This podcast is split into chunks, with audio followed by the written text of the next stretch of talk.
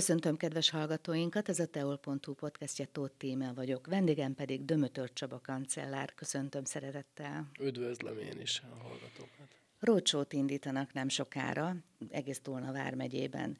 Legyen kedves beszélni róla, hogy miről szól ez a rócsó.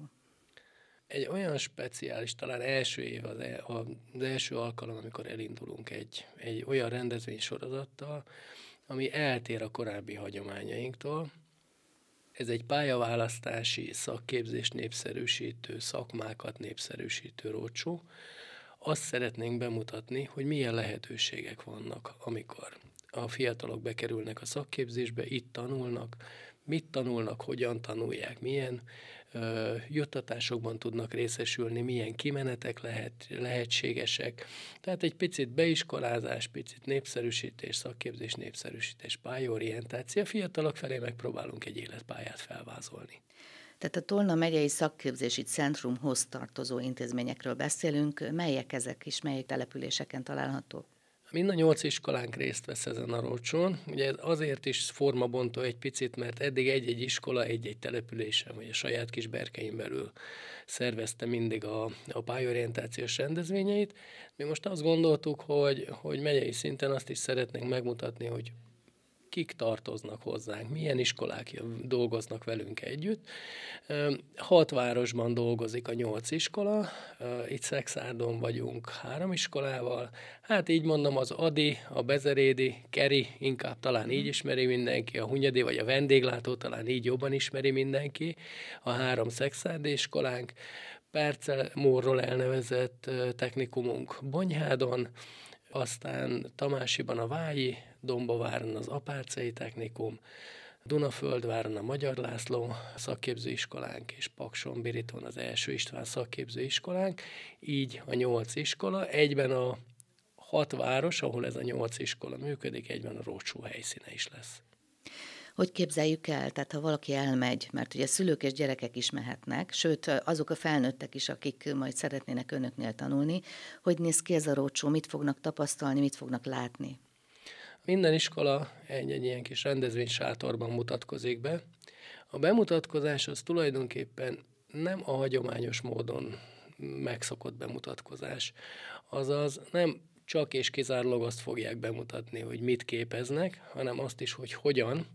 Tehát olyan eszközöket visznek ki, olyan, és, és diákokkal mennek ki ezekre a rocsókra, ahol, amely, amely eszközöket lehet használni, sőt, az lenne a cél, hogy aki érdeklődik egy-egy szakma, egy-egy terület iránt, az ki is tudjon ott próbálni dolgokat, és hát természetesen megmutatunk már olyan elkészült munkákat, munkadarabokat is, amiket a diákjaink készítettek az oktatás során, és nem vizsga során, hanem az oktatás során, mert nálunk azért egyre fontosabb és egyre inkább elterjed, és ezt nagy örömünkre is szolgál egyébként, hogy a projekt alapú oktatás az az, amikor tevékenykedtetem a tanulót, nem elméletben tanítom, hanem csináljuk is közösen, vagy irányítom, hogy hogyan csinálja. Ez egy más pedagógiai gondolkodásban, más módszer is. Ennek már vannak kész termékei, és ezeket is szeretnénk megmutatni, mert elképesztően csodálatos dolgokat tudnak a gyerekek csinálni. Mondana pár dolgot? Dombováron az egyik informatikai osztályunk a gépészekkel karöltve tojásfestőgépet tervezett. Azt a... a tojásfestőgép az azért nagyon nehéz, és egy, egy nagyon komoly átgondolást, megfontolást igényel, mert egyrészt programozási ismeretek szükségesek hozzá, ami, ami önmagában, ha egy sík felületre szeretnénk valamiféle rajzot elkészíteni, hát arra megvannak a maguk programok, csak itt ugye a tojás az egy gömbfelület és ez ezért nagyon nehéz. Tehát ők csináltak egy ilyet, megfelelő eszközzel, leprogramozva, mintákat lehet beprogramozni, és gyönyörű dolgokat készítenek vele. Vagy mondok egy másik példát, egy aki már olyan régóta fiatal, mint én, ezt így szoktam fogalmazni, neki még teljesen természetes, hogy voltak régen a betárcsázós készülékek, telefonkészülékek. Amit ugye megszoktunk, hogy be kell dugni a konnektorba, és fölemelem, és van vonal, és akkor tárcsázok. Na most a gyerekek ezt átalakították mobiltelefon készülékké, azaz nem kell bedugni a konnektorba, hanem egy megfelelő adapter beépítésével, egy SIM-kártya elhelyezésével tulajdonképpen készítettek egy, egy mobilkészüléket. Ilyen dolgok vannak, amik, amik így elkészültek, de nagyon érdekesek, izgalmasak a, a 3D nyomtatással elkészült ö, eszközeink, termékeink is, vagy kis bemutató dolgok, amiket a gyerekek csinálnak. Nagyon érdekes dolgokat lehet és tudnak készíteni most már ételnyomtatóval, 3D ételnyomtatóval, amit aztán meg is lehet enni utána. Tehát nagyon izgalmas dolgaink vannak, nagyon, nagyon nagy kihívások ezek, mire megtanulják a gyerekek ezeknek az eszközöknek a kezelését. Hát ilyenek ezek. 3D nyomtatóról már én is hallottam, de ételnyomtatóról Igen. erről még nem.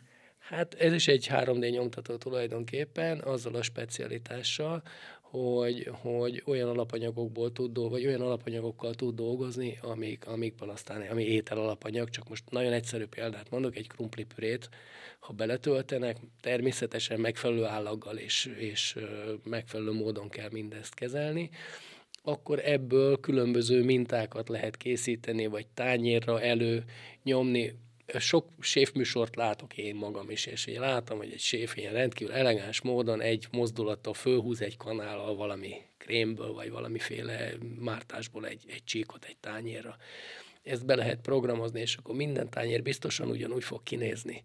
Tehát ezeknek ez az izgalma, ez az érdekessége. Meg talán gyorsabban is működik. Hát ezt nem mondom, hogy gyorsabban működik, de hogy biztos egyforma lesz, az, azt, azt merem állítani. Igen, hát ezek, ezek az eszközök már működnek. Olyan értelemben értem, hogy már működnek, hogy, hogy, hogy van ipari célú felhasználása is. Nyilván, amik nálunk vannak, ezek kisebb teljesítményűek, itt elsődlegesen az oktatás a cél. Önöknél nem csak fiatalok tanulhatnak, hanem idősebbek is. Milyen módon? Hát a felnőttek teljes mértékben rugalmas tanulási utakkal tudnak menni. És a rugalmasság az nagyon sok, ter- sok módon megjelenik, inkább nem is sok területen, inkább sok módon megjelenik. Az egyik ilyen nagyon izgalmas kérdés, hogy nincs tanévhez kötve. Az év bármely napján, szó szerint értve az év bármely napját, el tudunk indulni egy képzéssel, és a képzési időt sem kell teljes mértékben abban az értelemben kihasználni, hogy mondjuk amíg egy nappali rendszerben tanuló gyerek az két éven keresztül tanulja a szakmáját, a felnőttnek már más a motivációja, más az előismerete, ezt rövidíteni tudjuk, ezt a képzési időt, nem csak a két évet, hanem az óraszámot is, sőt, előzetes tudásméréssel a korábbi a tudásokat is be tudjuk számítani, és ezek nem csak a bizonyítványjal igazolt tudások lehetnek, azaz valaki már szerzett egy bizonyítványt egy adott szakmába, és a anyagtartalmak között lehetnek átfedések más szakmákkal is, hanem, hanem a gyakorlatban megszerzett tudást is be tudjuk és beszámíthatjuk most már, és meg is tesszük. Na most így válik izgalmassá igazán és rugalmassá a képzés, mert hogy amit már tudunk, azt nem tanuljuk újra. Amit nem tudunk, arra tudunk egy magasabb időt fordítani adott esetben, vagy arra egy nagyobb, nagyobb figyelmet fókusz tenni. És mindezt tudjuk még úgy is tenni, hogy duális képzési formában, hiszen hogyha valaki egy cégnél dolgozik, és a saját cége munkáltatója úgy dönt, hogy ő vállalja a duális képzői szerepet, akkor ott munka mellett is, sőt munkavégzés közben is tud tanulni. Ezzel egyébként nagyon-nagyon sokan élnek, ezzel a rugalmas képzési lehetőséggel, Hát több mint 2000, sőt, 2000, dinamikusan változik a szám, és azért nem tudok soha pontos számot mondani, de olyan 2200 és 2800 fő között mozog a megyei szinten azoknak a felnőtteknek a száma, akik most bent vannak a rendszerünkben. Most is vizsgáznak, nagyon sokan vizsgáznak, találkozom időnként olyan felnőttekkel, akik vizsgáztak, hát nagyon érdekes, hogy ugyanúgy izgulnak, mint a gyerekek, viszont, viszont nagyon ügyesek tehát azt meg el kell mondani, hogy nagyon ügyesek, a gyerekek is ügyesek, de egy felnőttnél azért ott egy picit másabb a motiváció. Ő neki ez egy ő már azért jön, mert igazán biztos, hogy akar tanulni. És, és ez, ez egy nagyon jó dolog, nagyon jó velük dolgozni, minden iskola ezt nagyon szereti, ahogy, ahol felnőtteink vannak, de hát mindenhol vannak is egyébként. Van-e korhatár? Nincs. Nincs. A csillagoség? Hát gyakorlatilag igen. Gyakorlatilag igen. Nincs felső korhatár ez kire-kire rá van bízva. 60-asok is tanulnak a rendszerben, meg 20 évesek is tanulnak a rendszerben, Nem kell beülni az iskolapadba, talán ez a legizgalmasabb kérdése, vagy minimális mértékben kell beülni az iskolapadba. Mert hogy, mert hogy meg lehet az oktatást szervezni már úgy is, hogy a tananyagtartalmakat online is oda lehet adni, nagyon sokat tudunk építeni a felnőtteknek annak az önállóságára, hogy más módon tanulnak, más módon képesek tanulni.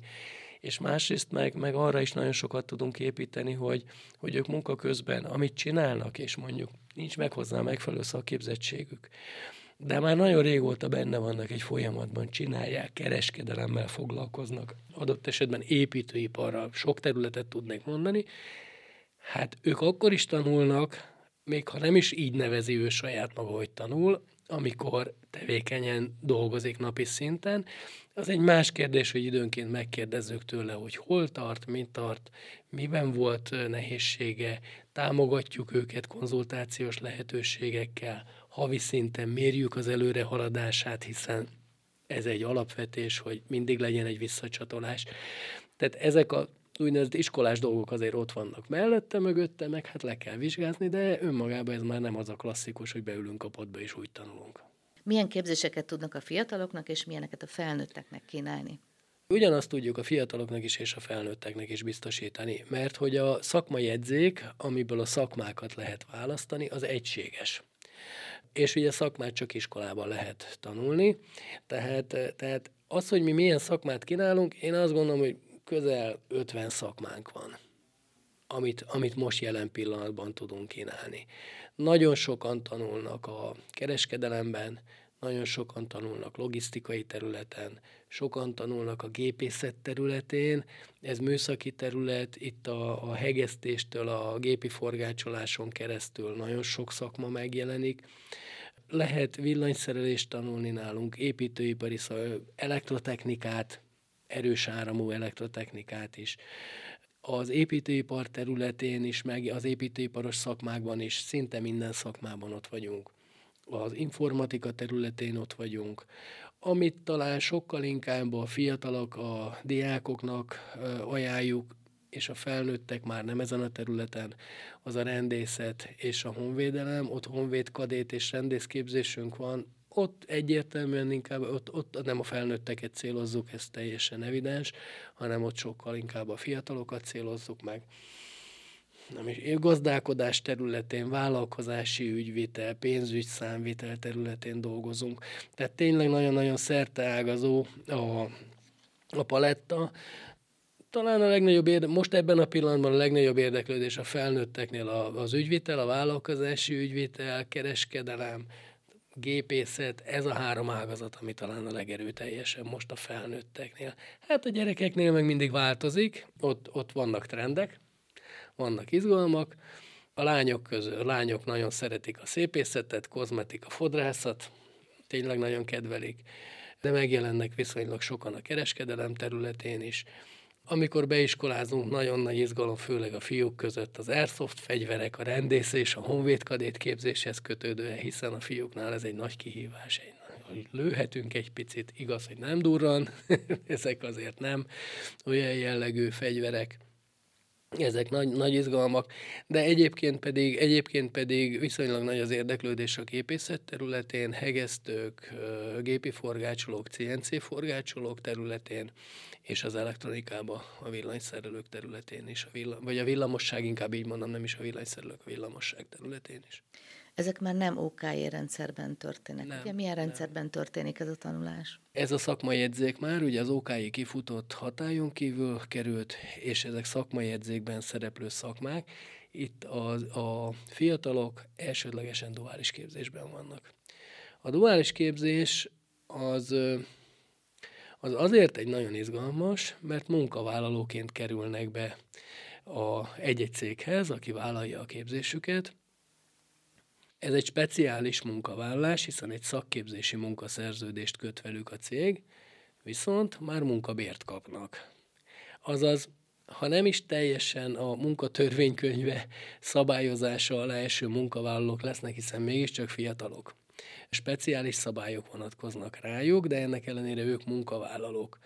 Már társadalombiztosítási jogviszonyuk lesz, azaz majd egyszer a nyugdíjukba ez beleszámít, most még erre mindenki mosolyog, de hát egyszer majd eljut arra a korba, hogy ez is fontos lesz. Munkabért kapnak, a munkabérük havonta 100 kötője 168 ezer forint lehet. Ez, ez függ a minimum 100 a 100 ezer forint, de a későbbiek során a teljesítményüktől, a tanulmányi eredményüktől függően ez emelkedhet, sőt emelkedni is kell neki. Nem nyári szünetük van, hanem nyári szabadságuk van, és így tovább és ők úgy tanulnak a cégeknél, hogy közben bevonják őket a napi szintű feladatellátásba is. Tehát ez, egy, ez, ez, ez tényleg egy olyan dolog, hogy, hogy ha valaki szereti azt, amit csinál, meg ki tudja alakítani oda-vissza a céggel a kapcsolatot, akkor én azt gondolom, hogy egy viszonylag biztos jövő előtt áll, és azért mondom, hogy viszonylag biztos jövő előtt, mert hogyha ha a cégnél lehetőség van, általában azt most már tapasztaljuk, hogy az ügyes gyerekeket, akik jól beilleszkedtek, viszik tovább magukkal, azaz felveszik munkavállalónak és végső munkavállalónak. Tehát ők így tanulnak, és ebben ez a, ez a jó, és ez a nagyon-nagyon-nagyon jó dolog, hogy már ezt meg tudjuk tenni, és meg lehet tenni a fiataloknak. Pont ez lett volna a következő kérdésem, hogy hány százalékban fordul elő az, hogy tovább alkalmazza a cég a gyerekeket? Miután még most vizsgázott az első ilyen csapatunk, akik eh, három éves nappaliban indultak, ugye maga ez az új rendszer, ez 2020-ban indult, és ugye most 2023 májusában vizsgáztak, még nem látjuk teljes körűen, visszajelzéseink már vannak, de százalékot most nem mernék rá mondani egyelőre még, mert még messze vagyunk attól, hogy egy teljes körű számot is merjek mondani. Én inkább azt látom, hogy, hogy nagyon sokan nagyon sokan azt mondják, hogy hú, de jó, hogy van duális képzés, vállalkozások, cégek, mert hogy, mert hogy, hogy lát, látják ennek az előnyét, és én ebből következtetem egyelőre még leginkább is azt, konkrét számok tényleg nincsenek még nálam, hogy, hogy, hogy felveszik a gyerekeket, és persze kapok konkrét jelzéseket is több helyről. Hát a, akik jelen pillanatban képzésben vannak, és már mehetnek duális képzésbe, és ők én nagyon egyszerűen próbálom megfogalmazni három éves szakmunkás képzésben résztvevők. Ők szinte száz százalékban kint vannak cégeknél. Na most a technikusok pedig egy alacsonyabb százalékban, de ugye ez egy más típusú képzés, ott még most fordultunk oda, hogy az első évfolyam most lépett a 12, vagy az, e- az új szakma cég szerint tanuló első évfolyam most lép a, a 12, vagy lépett szeptembertől a 12. évfolyamba, és ugye ők majd csak a 13. évfolyam végén tudnak kilépni a rendszerből, tehát ő rájuk vetítve még egyáltalán nincsen adatunk, Viszont nagyon örülök neki, hogy ők is nagyon sokan vannak kint duális képzésben már, Nekik van egy olyan lehetőségük, hogy kettő kötőjel 12 hétre egy évben, legfeljebb két alkalommal ki tudnak menni a cégekhez, és, és a cégek meg örömmel várják őket. Tehát ez is nagyon érdekes, sőt, nagyon sok cégvezetővel beszélgetek, aki mondja, hogy, hogy még ugye nem lépett be, de most már erősen gondolkodik, mert szakember hiánya küzd, és, és ebben látja a lehetőséget. Én azt gondolom, hogy egy-két év múlva már sokkal biztosabb számot mondanék visszatérve az eredeti kérdésre. Most nem tudok még erre konkrét számot mondani. Említette, hogy elég sok képzésük van, de van-e olyan, ami még nincs önöknél, de tervezik? Én nem is úgy fogalmaznám meg, hogy tervezzük, hanem, hanem például az oktatás ágazat az egy nagyon speciális dolog, mert mert most az előző évben került be az oktatás ágazatba a pedagógia, mint olyan, és, és most már majd szakma. Pedagógiai asszisztensként fognak végezni, akik aztán majd, majd akár általános iskolában, óvodában, kisgyerekekkel foglalkozó intézményekben tudnak majd elhelyezkedni. Ez egy teljesen új dolog, Dombováron van egyedül csak a megyében, ez biztos, hogy újdonságunk. A másik pedig, hogy most kaptuk meg első, elős, első alkalommal azt az engedélyt, hogy a Bezerédi iskolába, a Keribe gazdasági területen a Dunajvárosi Egyetemmel együttműködve indulhat jövő szeptembertől a felsőoktatási technikumoknak a képzése. Ez a felső, e, bocsánat, ez nem jó, hogy felsőoktatási technikum, hanem ez, ezt úgy hívjuk hivatalosan, hogy okleveles technikum, és az okleveles technikusok úgy tanulnak, hogy egy adott egyetemmel közösen az egyetemi tananyag is beépül, vagy egy része pontosabban beépül már a középiskolai oktatási szakaszba, és ha és amennyiben a gyerekek ebben az egyetemen, vagy ezen az egyetemen folytatják a tanulmányaikat, akkor ott nekik már kreditbeszámításuk lesz. Ez most a Városi Egyetemmel együttműködve indul el, tehát akik most majd bejönnek hozzánk a mostani beiskolázási időszakot követően, tehát jövő szeptembertől lépnek be, ott már egy csapatnak erre lesz lehetősége. Tehát ez biztos egy nagyon nagy újdonság most. Hát, hogy meg hogyan változik az élet, és milyen új szakmák lesznek, amikor megjelenik egy új szakma, azonnal tudunk rámozdulni. Egy másfél évvel ezelőtt jelent meg az alternatív járműhajtási technikus. A felnőttek azonnal mozdultak rá érdekes módon, mert hogy a, a szakszervizek, akik autójavítással foglalkoznak, egyértelműen felismerik és látják, hogy nincs ilyen szakemberük. Ezért a saját dolgozóikat is kiképezik és átképezik erre adott esetben. Tehát, hogy, hogy mi az újdonság, az mindig így a, most már hála Isten a piac dönti el. Van újdonság, például a drónpilóták képzése, ami, ami szintén egy nagyon érdekes irányzat. Visszakanyarodva a rócsóra, mióta van ez? Hát ebben a formájában ez az első év. A korábbi években csatlakoztunk különböző szervezetek által tervezett szervezet beiskolázási, pályaválasztási rendezvényekhez, Nyilván az idén is ugyanúgy megyünk, hiszen a, a kormányhivatal által szervezett pályaválasztási kiállításon ott leszünk. Az iskolák által szervezett nyílt napokon, az általános iskolákban, a pályaorientációs napokon, pályaválasztási napokon ott leszünk. Viszont ebben a formájában még nem jelentünk meg. Egységesen, nyolc iskola, közös arculattal, valami ugyan iskolai szinten önálló profillal de mégiscsak közösen, és úgy, hogy egy-egy városban valami frekventált helyre kimenjünk, na ilyen még nem volt, hát izgatottan várjuk mi is, hát ez az első évünk. Mire számít? Én arra számítok, hogy, hogy, hogy érdeklődés az biztosan lesz. Én arra számítok, hogy, hogy ez egy kezdeti tanulóév, és biztos, hogy lesznek zökkenők benne, de ez így jó, mert majd megtanuljuk, hogy mi az, amiben változtatnunk kell esetlegesen, ha valami nem úgy működik, de én azért bízom benne, hogy minden jól fog működni, és én abban bízom, hogy ennek sikere lesz, és minden évben innentől kezdve ezt tudjuk továbbvinni, és mindig egy picit akkor már fejlesztve, picit mindig tovább lépve megyünk benne. Én ezt szeretném. Nagyon köszönöm, hogy eljött és tájékoztatott bennünket. Én köszönöm szépen a meghívást. Önök a teol.hu podcastjét hallották viszont hallásra.